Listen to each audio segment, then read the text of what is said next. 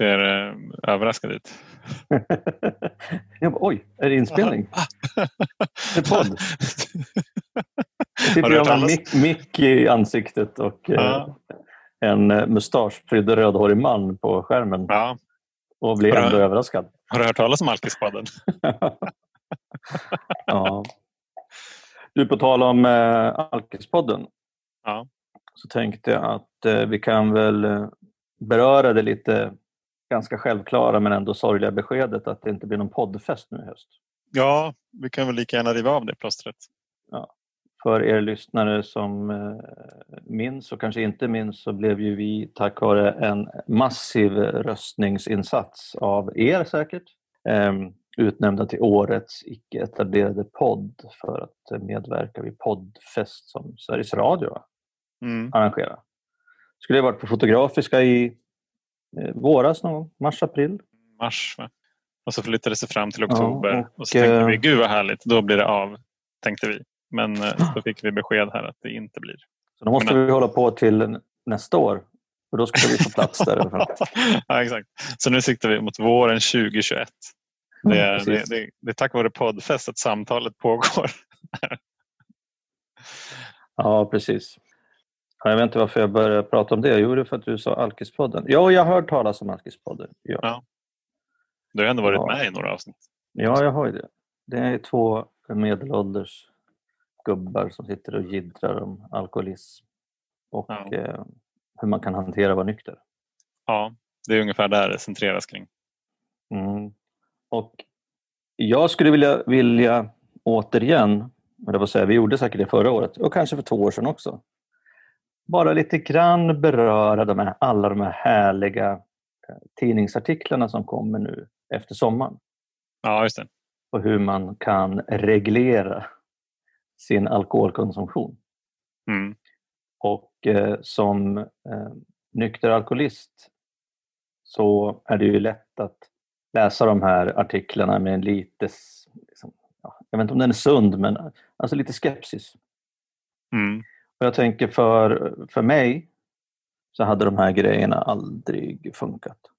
Vi fick i lådan häromdagen Vårdguiden Mm. från 1177, deras tidning. Och en intressant grej som jag lade märke till är att de har alltså, de, i Region Stockholm, så har man alltså baserat på ny forskning tagit fram rekommendationer för någonting som de kallas, kallar för lågriskkonsumtion. Mm. Det Och har den jag bygger- aldrig hållit på med. Nej, och den bygger väl på att man ska dricka mindre än 10 enheter på en vecka och aldrig mer än fyra enheter på eh, samma gång. Ja, Det det. verkar jävligt orimligt. ja, jag har nog aldrig lyckats med det. Alltså 10 enheter.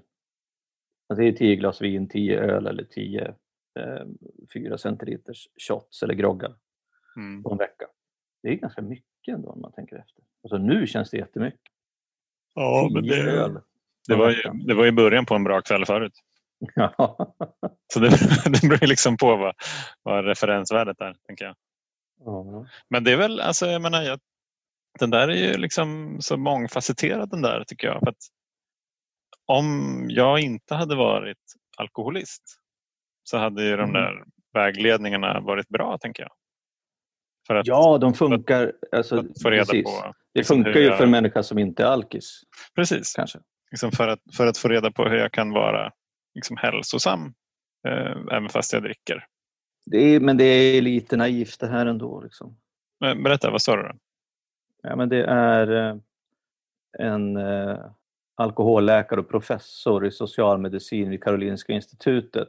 Jag vill inte nämna några namn kanske, men han säger så här. Många känner att de håller på att tappa kontrollen. Kanske börjar vänner eller personer de lever tillsammans med att kommentera drickandet. Det brukar vara en varningssignal, säger han. Den Mm. som är orolig för sin alkohol, alkoholkonsumtion kan börja med att tänka över hur drickandet har utvecklat sig. Du kan också fundera över hur alkoholen påverkar ditt liv och om du har kommit i obehagliga situationer när du har druckit. Det är väl lite därför man dricker, för att man vill hamna liksom i obehagliga situationer. Ja, men jag tänker att det där, jag menar, det, det är som vi många gånger i den här podden har liksom försökt att förklara den alkoholistiska logiken. Mm. Det är ju en logik som utifrån sett inte alls är logisk. Så att, att kolla med liksom nyktra, rationella ögon på någon annans beteende eller sitt, e eller sitt eget. Alltså det, det går ju inte om man är alkoholist. Precis. Och det är också så, han säger också att de flesta som vill förändra sina alkoholvanor klarar av att göra det själva. Mm. Ja, men, Men det, det finns- kanske man gör om man inte är alkoholist. Men det finns en grupp som trots en tydlig önskan inte lyckas. Då kan de få stöd. Och Mm. det är ju helt korrekt. Eh, Det är ju också Så att- jättebra tänker jag. Så att alla ni som, som tycker nu att eh, eh, ni inte är alkoholister, ni, ni kan ju testa de här tipsen om ni tycker att ni börjar dricka för mycket. Men eh, då, då finns det här sex tips för nya alkoholvanor.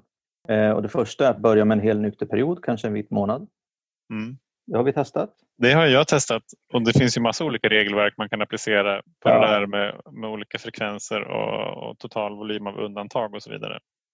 Sen, sen kommer den här roliga, ursäkta mig, eh, alkohol eller Vårdguiden, men tips två.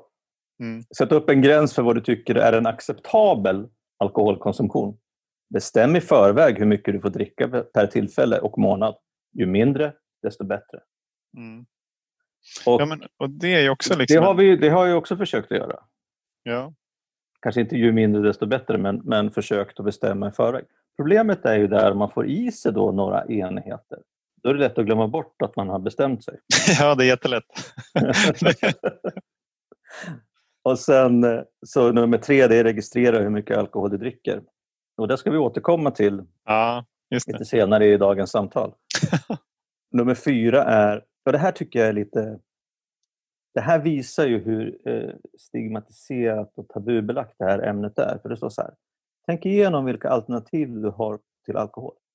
Öva in vad du ska säga när du tackar nej eller väljer en annan dryck. Och det där tycker Ja, jag... Öva in vad du ska säga. För Mm. man kan inte bara säga att man inte vill alkohol. Man Nej. måste öva in någon typ av argument. Mm. Det där det, det, det vittnar ju, liksom, det skvallrar ju lite om att det är ett hyfsat grupptryck från samhället ändå. Det är egentligen konstigt att man inte bara kan säga nej. Nej, precis. Och sen nummer fem är då tänk igenom vad du ska göra i situationer eller sällskap som du vet innebär en risk att dricka för mycket. Och nummer sex, hämta stöd från människor i din närhet. Berätta om ditt beslut att dricka mindre alkohol eller inte alls. Säg att du skulle uppskatta deras hjälp. Mm. Och som sagt, för en icke-alkoholist så kanske det här är fantastiska tips. För oss, för mig som alkoholist så, alltså jag uppskattar inte alls att någon annan la sig i och skulle ge mig stöd eller hjälp kring mitt drickande. Nej, fast du bad ju inte om det heller. Nej, nej, nej, precis. Men alltså det där, om man, om man skulle ersätta då, alltså det där förutsätter ju någonstans att man vill fortsätta dricka och så bestämmer man vad en acceptabel nivå är. Och säger att det då är kanske de här tio enheterna i veckan och max fyra enheter per tillfälle. Men om man skulle byta ut det mot noll enheter, det vill säga jag vill inte dricka någonting överhuvudtaget, det är en acceptabel nivå. Då, är ju, då kan jag ändå tycka att, så här, ja, men att, att öva in eller ha, ha kommit fram till så här, ja, vad, vad ska jag säga när folk undrar varför jag inte dricker. Till exempel. Det, det kände jag att jag behövde göra i början i alla fall. Jag, jag visste liksom inte så här på julfesten, vad, vad ska jag säga till folk så där, Nej, när, de, när de undrar. Och, och sen att, att be, om, be om hjälp, att liksom säga till, till någon anhörig eller nära vän att så här, jag har slutat dricka. Jag skulle verkligen uppskatta din hjälp med att inte dricka. Jag tycker det är jobbigt på de här tillfällena och, och ha en exitplan liksom, om, om det blir för mycket. Mm. Så det, det i sig är ju ganska bra tips. ja. Eh, jag håller med. Jag tycker ju att, alltså du har ju rätt i att det kan vara bra att öva in såna här grejer för, för en människa som blir, eh, beslutar sig för att minska eller eh, sluta dricka. Men det är ju, det känns ju, känns känns jävligt alltså, knepigt att det ska behöva vara så. Mm, det håller jag med om. Ja. Och det Det- visar ju också hur, hur svårt det är att, att närma sig det här. Det fanns också här någonstans om man hade någon i närheten. Och då, där står det liksom, ja det här är svårt att... Jo, sen står vad gör jag om jag är orolig för någon i min närhet? Förmedla på ett sakligt sätt att du ser ett drickande som du är orolig över. Det är en svår konst att prata utan att konfrontera eller skälla. Säg istället, nu har det blivit mycket och detta har hänt. Jag är orolig. Ge också ett erbjudande om att hjälpa till. Och det, det är också, det är ju sant. Det är ju jättesvårt att prata om det här för mm. folk i, för anhöriga och i familj och om man har någon som man är orolig för.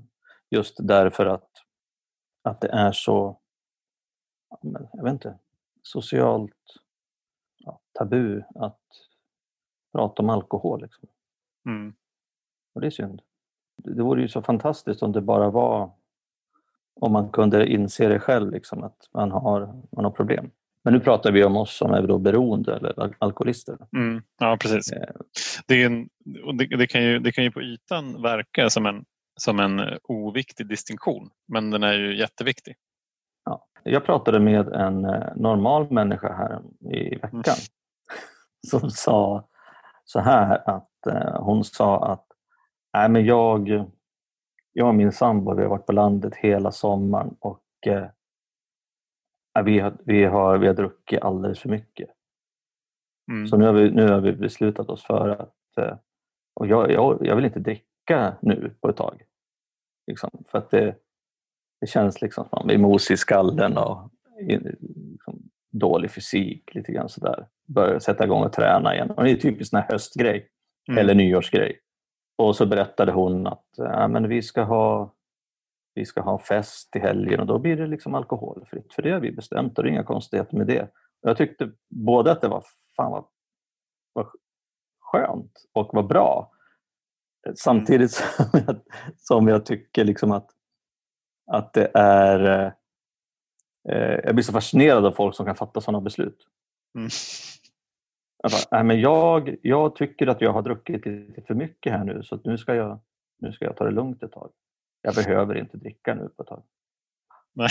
Alltså, kan man tänka så? Ja, det där, nej, jag tror aldrig att jag har tagit de orden i min mun. Men om jag har gjort det så jag har jag inte menat det. Alltså jag har ju någonstans tyckt att ja, nu får jag, jag får skärpa mig ett tag för nu har det varit lite för mycket kaos. Och, eh, om jag drar det för långt så kommer, så kommer någon att, att säga någonting som, som jag kommer att ångra. Ja, men det där är intressant för att jag, just det att inte mena det. För jag kommer ihåg, det var något, något mm. år innan jag slutade dricka så, så beslutade jag mig faktiskt för att sluta dricka. Ja, var det så? Ja, eh, jag lovade... Ja, jag tror vi har pratat om det. Jag lovade jag lovade liksom mina barn och min eh, exfru att nej, men nu, ja, nu ska jag sluta dricka. Och mm. Jag bjöd min mamma på lunch och berättade för henne att ja, men jag har bestämt mig för att sluta dricka här nu. Um, och som jag minns det så menade jag det. Mm. Men eh, jag kan inte komma ihåg nu hur länge jag faktiskt höll upp. Det var inte speciellt länge. En vecka kanske, två. Mm. Jag tyckte liksom att ja, nu har jag väl slutat. Liksom. Mm. Och det går ju bra. Jag kan ju sluta. så då kan jag börja igen. ja. Så jag... Och sen så blev ju hela sista året bara ett stort jävla kaos med allt möjligt skit. Men, så men, att, men i det ehm, där då, var det, var, det någon, var det någon av dem som du hade pratat med som påminde dig om att du hade ju sagt att du har slutat? Säkert hemma, alltså i familjen. Men jag, jag jag minns faktiskt inte. Nej. Antingen så har jag förträngt det här eller så är det så länge sedan nu. Så, så jag kommer faktiskt inte ihåg hur det gick till. Det, jag, det enda jag minns riktigt klart är att jag, den här lunchen som jag bjöd morsan på. Mm. Vi satt nere i en källare, käkade sushi och, eh, och jag liksom var så här vid kaffet. Ja, men jag, jag vill berätta någonting här nu. Jag, jag, eh, ja, men jag, eller kanske till och med var så vi vi i familjen har, har kommit överens om att jag ska sluta dricka. Mm. Lite grann så. och då när jag pratade med henne så, så, här, jag var lite nervös, jag tyckte det var lite jobbigt och jag tänkte, jag tänkte liksom att ja, men så var det. Mm. Fast sen så glömde jag bort det, att jag hade lovat alla att jag skulle sluta dricka. Så att... Eh, ja, vad läskigt. Och, alltså, jag menar, jag har ju...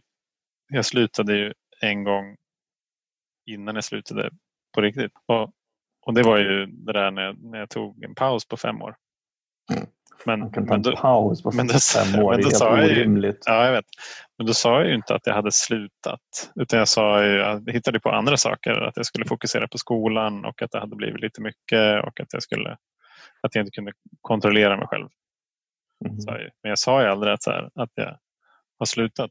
Och jag, därmed så lämnade jag alltid dörren öppen för att börja mm. igen.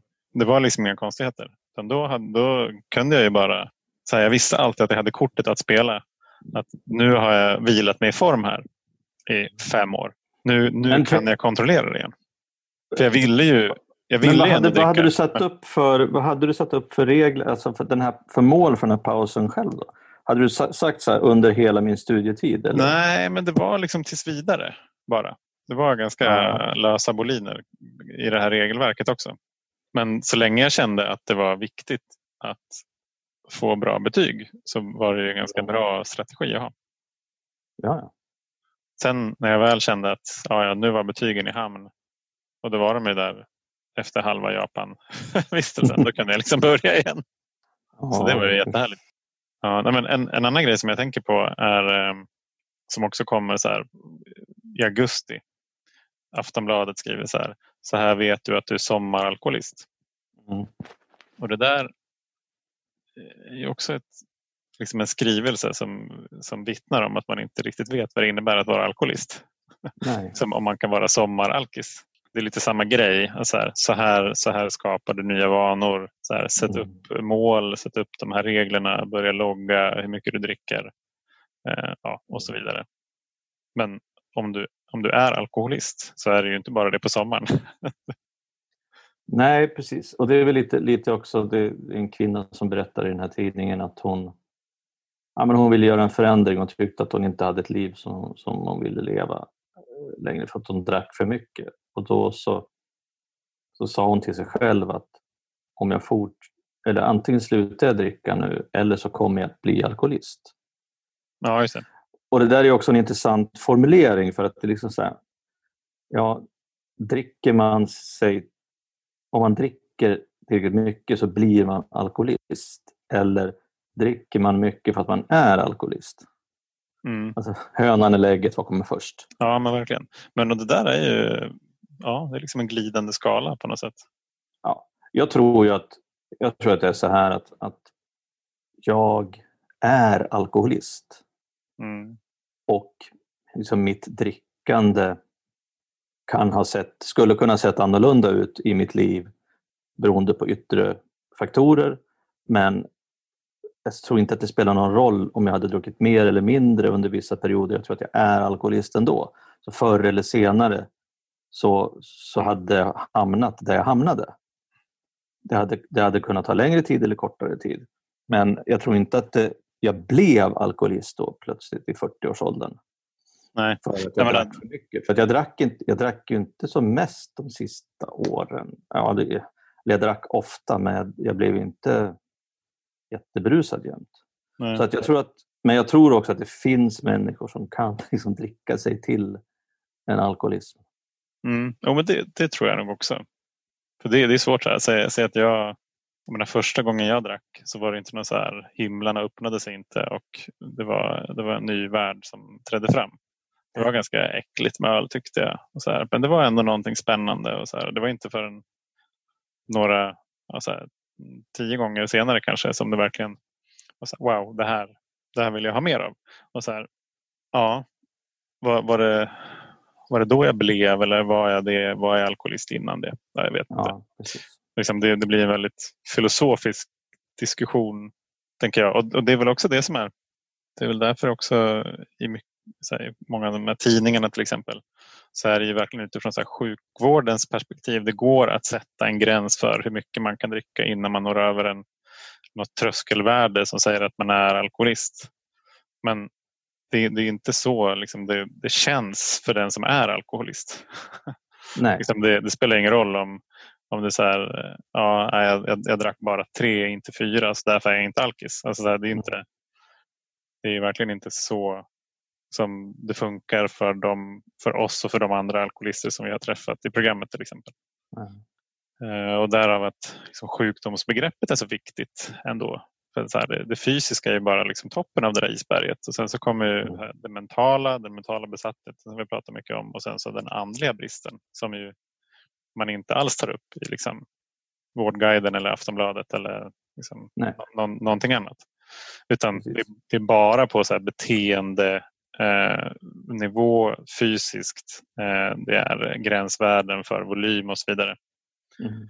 Men om jag, om jag mår eh, dåligt och mitt liv kretsar kring om jag får dricka eller inte får dricka eller hur mycket jag drack eller varför jag inte fick dricka. Mm. Och jag känner att det finns ett hål i min själ. Då spelar det ingen roll vad liksom en, en glad överläkare på Karolinska säger om liksom standardvärden för eh, hur mycket man ska dricka för att inte bli alkoholist. Nej.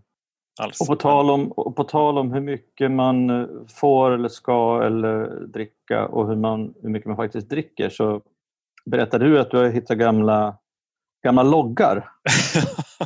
det här var ganska det var ganska jobbigt att läsa det här faktiskt. Eller så här, jobbigt och jobbigt, ja, men lite. Men det var, så här, den här killen mådde inte så bra tror jag. Eh, helt enkelt. Jag hittade från 2012 eh, så hade jag väl kanske läst någon sån där grej i Aftonbladet och då eh, tänkte att nu ska jag börja logga hur mycket jag, hur mycket jag dricker och sen så när jag är inne på det så jag hade säkert en period där jag skulle ta hand om mig själv mer. Tränade och lagade mat och så här också.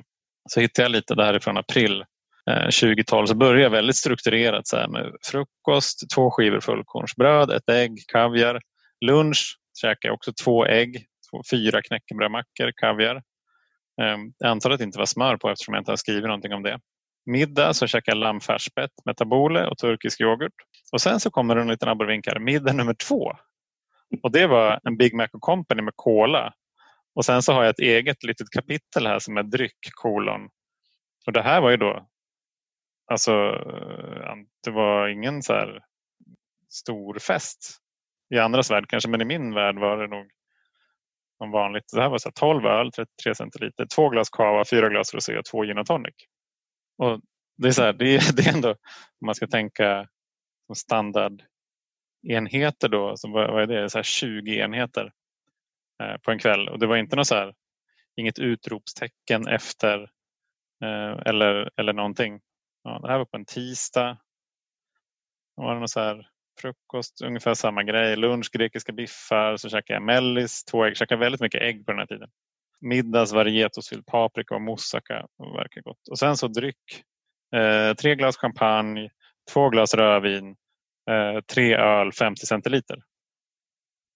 Det är ändå så här, ja det var en ganska lugn kväll då. Och här var det någon, också någon så här onsdag frukost så käkade jag vetepärlan. Det här känns ju lite eftersom polarbröd, det var ju polarbröd då. Mm. Eh, på den tiden då det fanns eh, två ägg, kaviar igen. Flygande Jakob käkade till lunch och så vidare. Middag, där jag var säkert på eh, Soldaten Svejk tror jag som ligger på Östgötagatan i, i Stockholm. Och då käkade jag schnitzel med ost 250 gram till middag och stekt potatis till det. Och sen så eh, en Guinness började jag med och sen så har jag skrivit sex Bernard färsköl 50 centiliter. Oh. Ja. Så att, och det där är ändå då 3,5 liter öl. Men jag antar att det var väl säkert en ganska salt, eh, saltad eh, schnitzel som man behövde läska sig till. Mm. Du hade också, du läste upp den med var det 10 öl och en flaska rosé också? Ja. Eller något sånt där.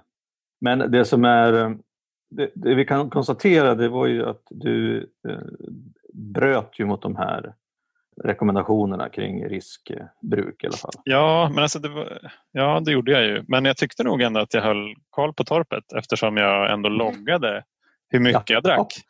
Ja, exakt. Eh, och några dagar är tomma så då vet jag inte liksom vad som hände de dagarna. Men, men jag tror ändå att ja, men nu har jag koll på hur mycket jag dricker så det var bra. Eh, men, så jag gjorde ju ett av sex steg i den, i den där. Ja, ja. Eh, säkert. Och det här är alltså då, vad sa jag, 2012, alltså ja, så tre år innan jag tre slutade. år innan du slutade Ja. dricka? Mm. tre och ett halvt år. Och jag Ja. tror väl att det där var nog i samma veva som, som jag började liksom känna i kroppen. Att det, så här, det Mm. gjorde ont. Jag gick till olika läkare och tror att det också var liksom i den där vevan som jag fick ta ett, eh, det var en akupunktör som tipsade om att jag skulle ta ett leverprov. Bara för att se Mm. liksom, hur står det till med levern egentligen. Och så gjorde jag det motvilligt förvisso men det var ju så här, det var ju lite moment 22. Jag kunde inte säga nej till att ta leverprov. För varför skulle jag göra det? Eh, Även fast jag visste att det var jobbigt. Ja. Så gjorde jag det och så fick jag tillbaka det och då var det ju precis under liksom, riskgränsen. Och då var det så här, ja det är okej. I- Utan reflektion. Men under den här tiden då, tre år innan, du, du, säger, du pratar om att du hade liksom, ja, ont i kroppen, kanske mådde lite dåligt och sådär. Tänkte du aldrig ens för dig själv någon gång att det kunde vara liksom alkohol? Nej, inte egentligen faktiskt. Jag, jag, jag tänkte nog att eh, jag dricker för mycket. Men det var ju bara för att jag kunde dricka mycket. Mm. Det var ju liksom bara för att jag var tvungen att dricka mer innan jag fick någon effekt. Tänkte jag. Ja. Så att, så att de, där, de här listorna och riktvärdena gällde ju inte mig. Utan det där var ju, jag var ju tvungen att normera det där efter, efter mina...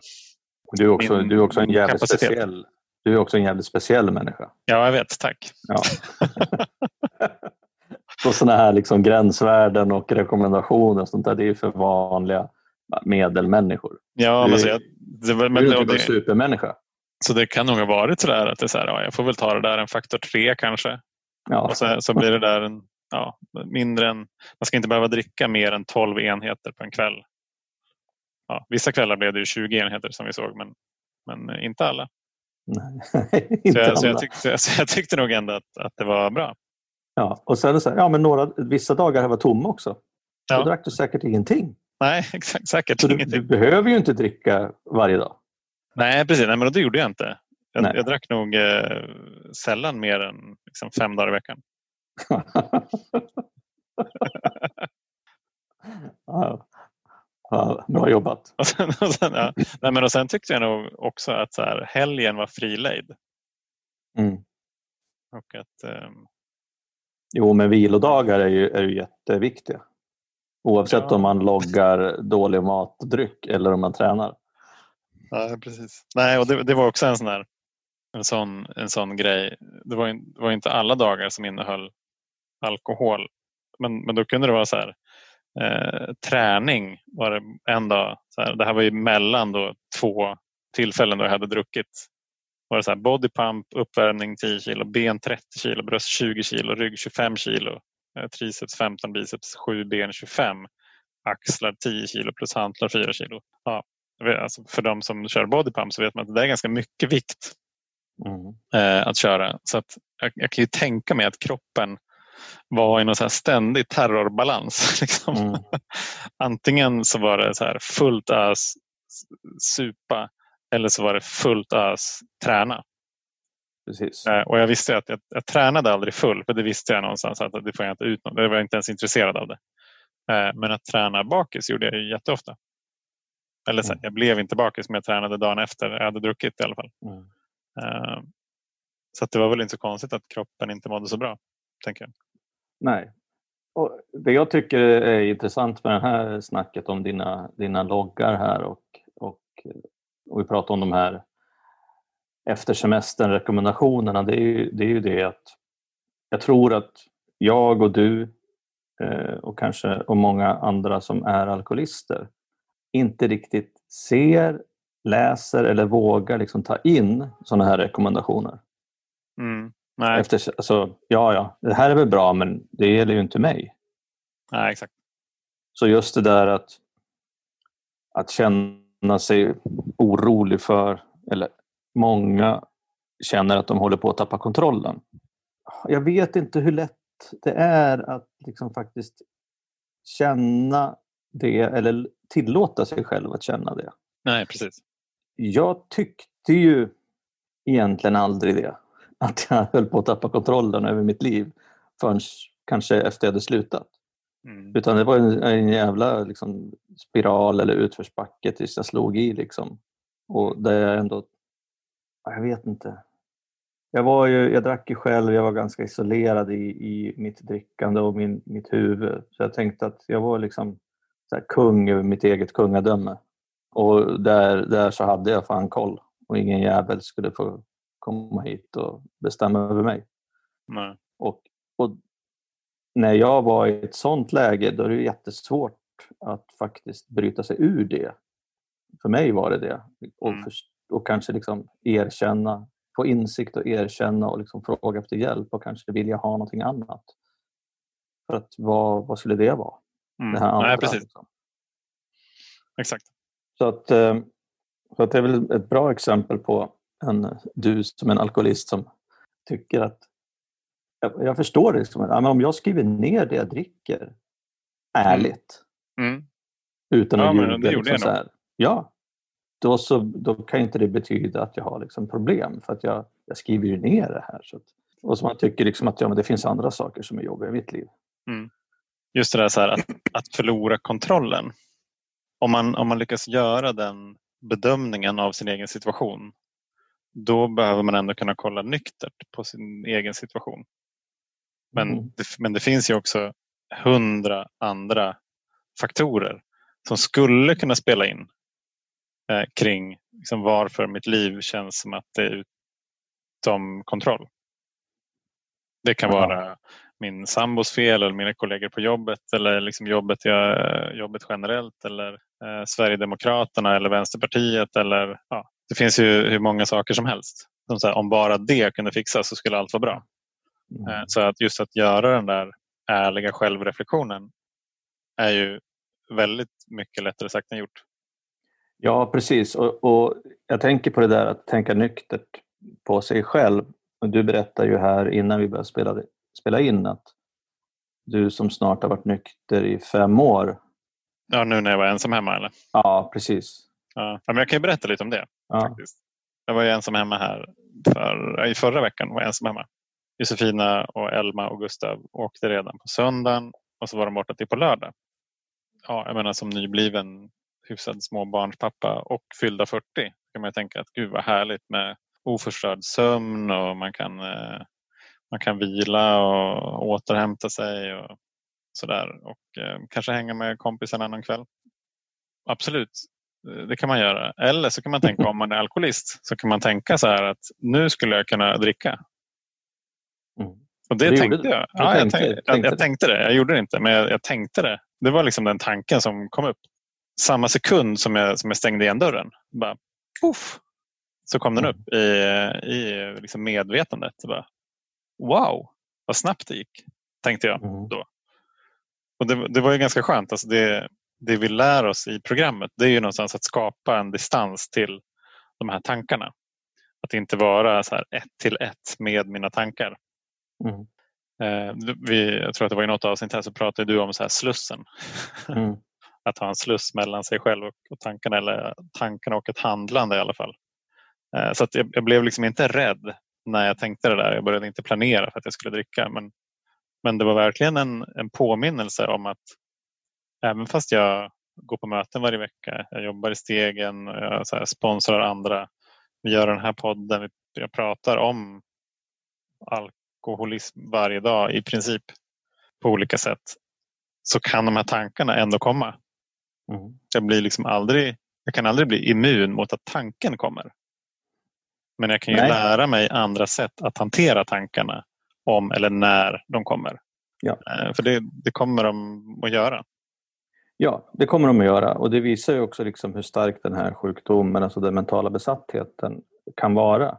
Mm. Och jag, jag berättar för dig att jag har ju kanske som, förutom du då, en av de sista människorna i Sverige nu börjat kolla på The Walking Dead. Mm. Mitt i första säsongen. Ja. Och för er som inte vet, det handlar om ett gäng överlevande efter någon sån här zombie-apokalyps. Mm. Då hamnar de på ett ställe där de bjuds på mm, vin och alkohol. Mm. Och då fick, jag den, då fick jag den här tanken, liksom, hmm, undra, undra hur jag skulle göra i den situationen. Mm. Alltså världen har i princip gått under. Mm. De, de döda går runt på gatorna liksom och försöker äta upp mig. Och eh, jag eh, är en av liksom få överlevare. Det skulle man inte liksom ändå kunna passa på då och dricka lite grann? Mm. Jag menar, chanserna till överlevnad är ändå ganska små. Mm. Eh, och eh, jag vet inte, det kanske skulle bli liksom en drägligare tillvaro för mig. Alltså det där började jag tänka på så, Mm. så intensivt att jag liksom var tvungen typ att spola tillbaks i, Mm. i streamen för att jag inte riktigt hade hängt med på vad som hände. Ja, ja, ja. Och det är också sådär, inte för att jag, inte för att jag varken önskar att det ska bli någon zombieapokalyps jag får pröva, men också vissa är lite fascinerad och inte kanske förvånad, men ändå att de här tankarna kommer Mm. efter så lång tids nykterhet. Och jag borde ju inte bli förvånad eller, eller överraskad eller fascinerad över det, för jag har ju hört så många många människor på möten som faktiskt inte bara fått tankarna efter lika lång tids nykterhet som jag har, utan faktiskt tagit återfall. Mm. Ja, precis. Så att det är inte så att den här mentala besattheten alltså försvinner.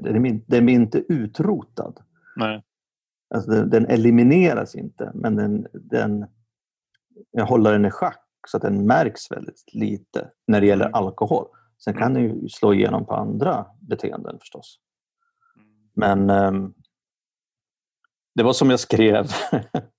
jag eh, höll på att mejla med en annan person i vår gemenskap som frågade om jag kunde vara med på, på ett möte här någon helg framöver i september. Mm. Eh, Men eh, jag håller ju just nu på att eh, döma SM-slutspel i baseball på helgerna, Just det. som alla vet. Så jag skrev, jag skrev att, och han, visst, han vet ju inte om att jag håller på med det, så jag skrev att jag gjorde det. Och så skrev jag så här. En, den mentala besattheten för baseball liksom började så här 1987 och fortfarande inte släppt. Nej. Och så är det ju lite grann. Inte för att jag är superberoende av baseball på det sättet, men, men det är alltid någonting, tycker jag, som är längst fram i skallen som, man, som jag kan bli kanske lite väl fokuserad på i olika, olika perioder i livet. Mm. Det får man tänka på just det här ordspråket att det är tanken som räknas. Mm. Och det är ju verkligen inte det, tänker jag. Det är verkligen Nej. inte tanken som räknas. Men Det är det, inte det. hade varit jättejobbigt om det var det. Alltså vi tänker ju så mycket, eller vi, jag tänker ju så jättemycket konstigt. Jag håller på att läsa en bok nu som heter The Untethered Soul. Och där, där den pratar en, en del om den här rösten som, som vi alla har inne i huvudet. Som, ja, som är den som eh, liksom, värderar det vi, det vi upplever och som eh, kan döma och sådär. Och, och som, det här chattret liksom, som, som är mer eller mindre liksom, frekvent. Så säger den så här, testa en dag eller en halv dag att se det där som en rumskompis som du bor med. Och så ger du liksom den här rösten en fysisk kropp och så sitter ni och kollar på film liksom, i, i soffan. Där. Skulle du vilja hänga med den här personen någonsin igen? Om det var en riktig person. Eh, Ja. Alltså det är verkligen så. Jag ska, jag ska testa det. Jag har inte vågat testa det än. Men, men och det är ju våra tankar. Alltså hela det där eh, chattret är ju ping, tankarna som är pingpong liksom i huvudet. Så att, och, och det enda som räknas tänker jag det är handling. Liksom, vad, vad gör vi av det där? Det är långt ifrån alla eller ens en majoritet eller liksom en bråkdel av tankarna som vi agerar på Mm. under en dag. Så att, att välja ut vilken eller vilka av de här tankarna som jag faktiskt ska göra någonting åt och vilka som jag bara ska säga så här, det där var en galen tanke. Det där ska jag inte göra någonting åt. Den där får liksom passera förbi. Ja. Och så finns det de här ta- tankarna och känslorna liksom som, som bygger bo i skallen på en. Mm, absolut. Som man inte agerar på men som man ändå inte blir av med. Mm. Och de är bra att prata om. De är i synnerhet bra att prata om. Mm. Att jag liksom har tänkt så här, får mig må så här och känna så här. Och jag vet inte vad jag ska göra åt det. Bla, bla, bla, bla, bla, bla. Och det kan ju vara allt ifrån praktiska saker till filosofiska saker till ja, helt sjuka, konstiga grejer som man får i huvudet. Ja. ja. Olagligheter eller vad det nu kan vara. Ja, precis. Jag menar, jag menar, vad som helst kan ju komma upp i det där medvetandet. Ja. Har vi mer att, att ja, prata det, om idag? Ja, men, ja alltså det, det som jag skulle vilja nämna bara i sammanhanget är hur viktigt det är att poängtera att nykterhet är en färskvara.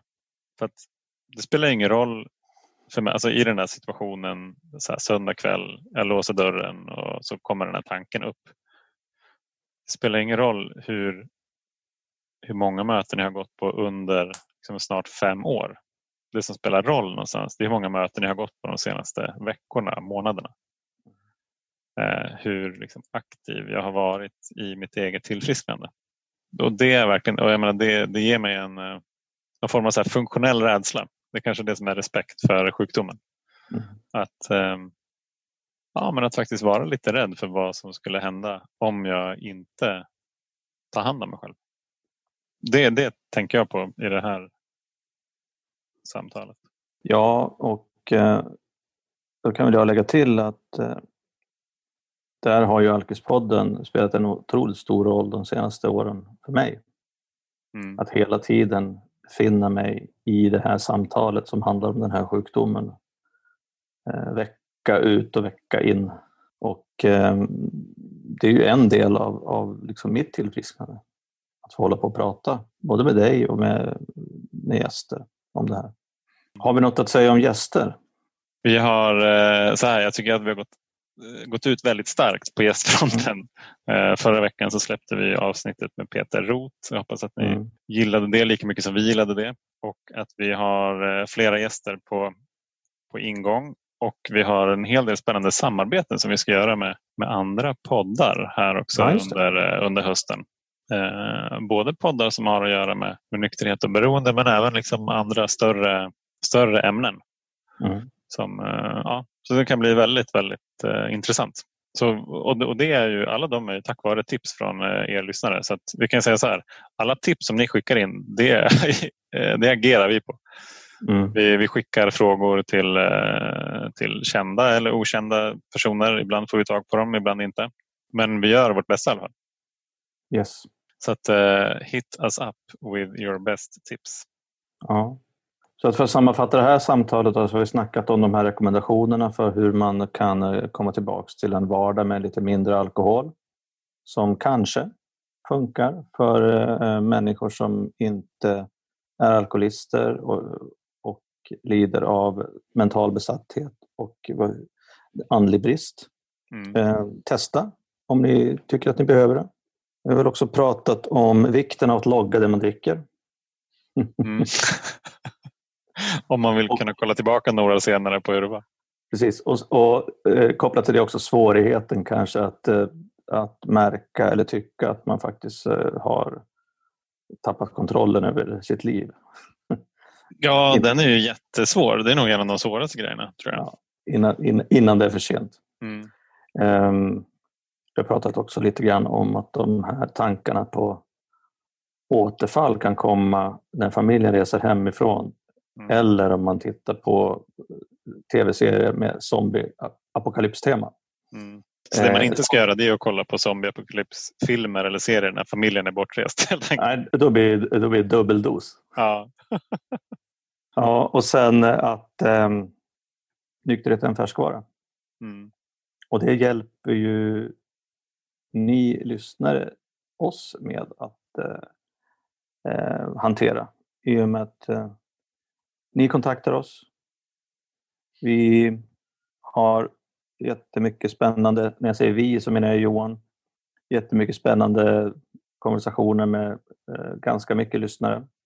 Och det är fantastiskt. Ja, Helt det är skitkul. Och eh, jag känner plötsligt en väldigt stor tacksamhet över att vara nykter. Mm. bara, en känsla som bara flöt igenom min kropp. Vad härligt. Ja.